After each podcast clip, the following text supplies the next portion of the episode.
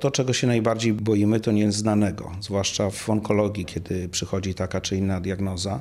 Powinniśmy to wytłumaczyć pacjentowi. Jak on ma usłyszeć diagnozę, że ma raka, jeszcze nie wiadomo co dalej. Jak to zrobić, żeby przekazać mu w taki sposób, żeby go tym nie zabić? Trzeba lubić pacjentów po prostu i nie ma na to recepty, bo moim marzeniem jest sprawienie, żeby lekarze przestali biegać między gabinetem jednym a drugim, żeby mieli czas dla pacjentów. Bezwzględnie rolą lekarza jest wytłumaczenie, jaki sposób leczenia, rokowanie, jakie jest. Nie możemy oszukiwać pacjentów. Najpierw jest diagnoza.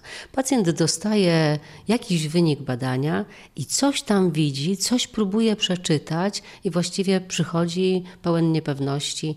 No pierwsza chyba rada to nie zaglądać do internetu, bo szum informacyjny jaki jest, no jest olbrzymi i zawodowcy mają problem z tym, żeby wyłowić to, co rzeczywiście jest istotne. No ale wytłumaczenie, na czym polega ta choroba, jakie mamy możliwości, że zmieniły się już sposoby leczenia, że rzeczywiście mamy sposoby takie, które powodują, że z chorób śmiertelnych staje się to chorobą przewlekłą. Myślę tutaj oczywiście o nowotworach. Postępy są olbrzymie i pokazuje ścieżki, które mają doprowadzić do tego, że my nie będziemy udawali, że leczymy tego pacjenta, a on nie będzie udawał, że jest leczony to działa w dwie strony, tak? bo jeżeli ktoś jest przekonany o tym, że nic z tego nie będzie, to jemu tym bardziej trzeba poświęcić więcej czasu po to, żeby skuteczność tego leczenia była większa. To jest rak. Przekazuje Pan taką wiadomość. Jakie są te reakcje? Różne.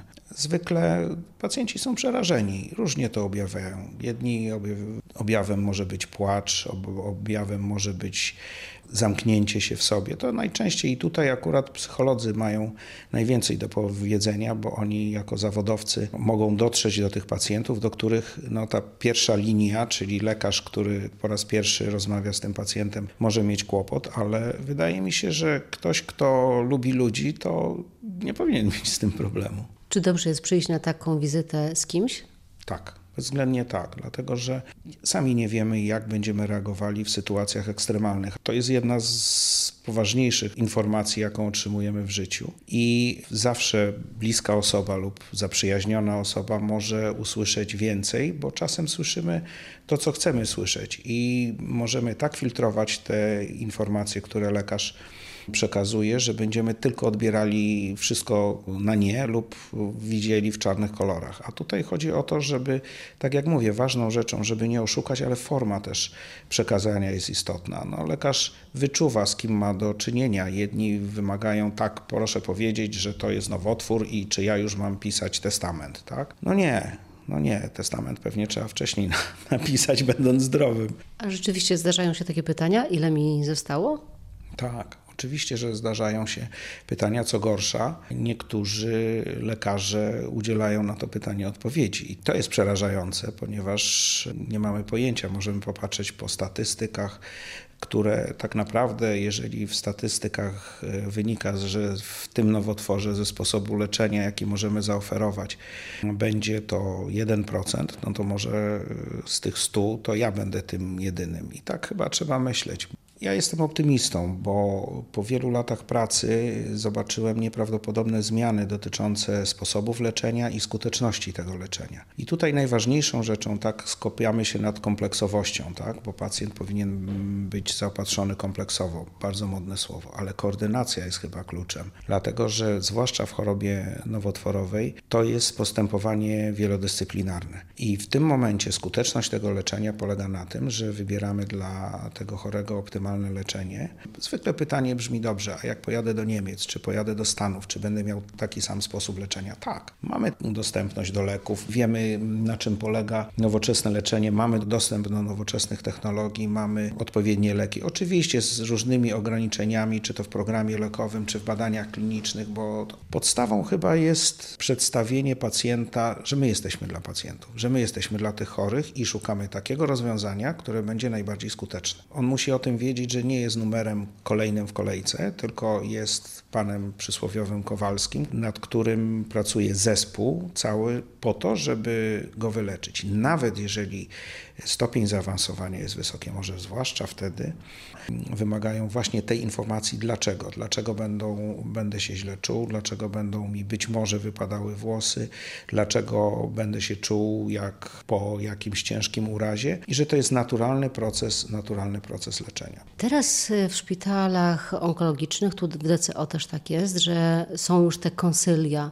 i rzeczywiście pacjent namacalnie widzi to, że zespół lekarzy nad nim pracuje, ale mimo to wielu pacjentów chce mieć jeszcze drugą opinię, z drugiego ośrodka na przykład. Jestem za, jeżeli to ma pomóc pacjentowi, jak najbardziej, dlatego że żyjemy w świecie, w którym dostępność do informacji jest powszechna. Ale w pewnym momencie robi nam się mętlik w głowie. Stanowczo tak. Stanowczo i ten mętlik jest problemem dla pacjenta. Mamy takich chorych na co dzień. Ja mówię tutaj o zawodowstwie, ja nie mówię tutaj o sposobach leczenia, które nie są uznane przez medycynę. Gdyby był jedyny słuszny sposób leczenia, to byłby ten sposób stosowany. Myślę, że pacjent decyduje również sercem i tym sposobem myślenia, który doprowadza do lekarza, do którego ma największe zaufanie. Przychodzi taki moment, kiedy dotychczasowe leczenie, czy też planowane leczenie, pan, panie doktorze, już wie, że nie przyniesie wyleczenia. Jak wtedy powiedzieć o tym pacjentowi? Pan profesor Nielubowicz kiedyś powiedział, że pacjent może stracić życie, a nie może stracić nadziei. I to, co nas zabija, to utrata nadziei. I to nie chodzi o fałszywą nadzieję, żeby opowiadać pacjentowi choremu, podawać nieprawdziwe, opierać się na nieprawdziwych informacjach. Myślę, że jeżeli pacjent ma zaufanie do tego lekarza, a on się nie zmienia co chwilę, to też jest moje marzenie, żeby nie było lekarzy, którzy co chwilę się zmieniają. No w tej chwili takich możliwości nie ma, ale ten tak zwany prowadzący powinien funkcjonować, do którego mam zaufanie i który będzie mnie prowadził za rękę i który mi też przekaże te niekoniecznie dobre informacje. Ale ja, panie doktorze, widziałam takie sytuacje, gdzie pacjent dowiadywał się na korytarzu, jakie jest rozpoznanie. Szczerze powiem tak, byłbym nieuczciwy, gdybym powiedział, że się nie dzieje. Każdy z nas ma rodziny, bliskich i wie, jak to funkcjonuje, więc bezwzględnie walczymy. To jest niedopuszczalne.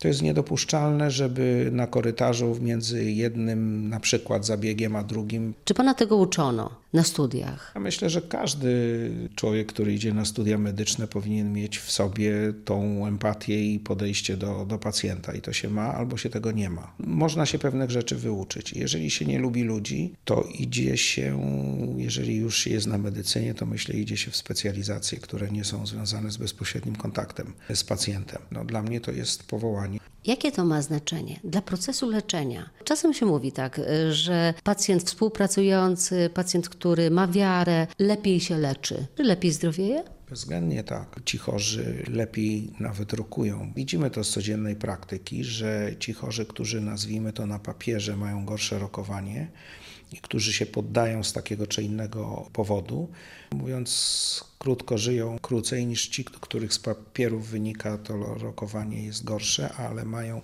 chęć do życia, są przekonani do tego, żeby walczyć. To inaczej wygląda.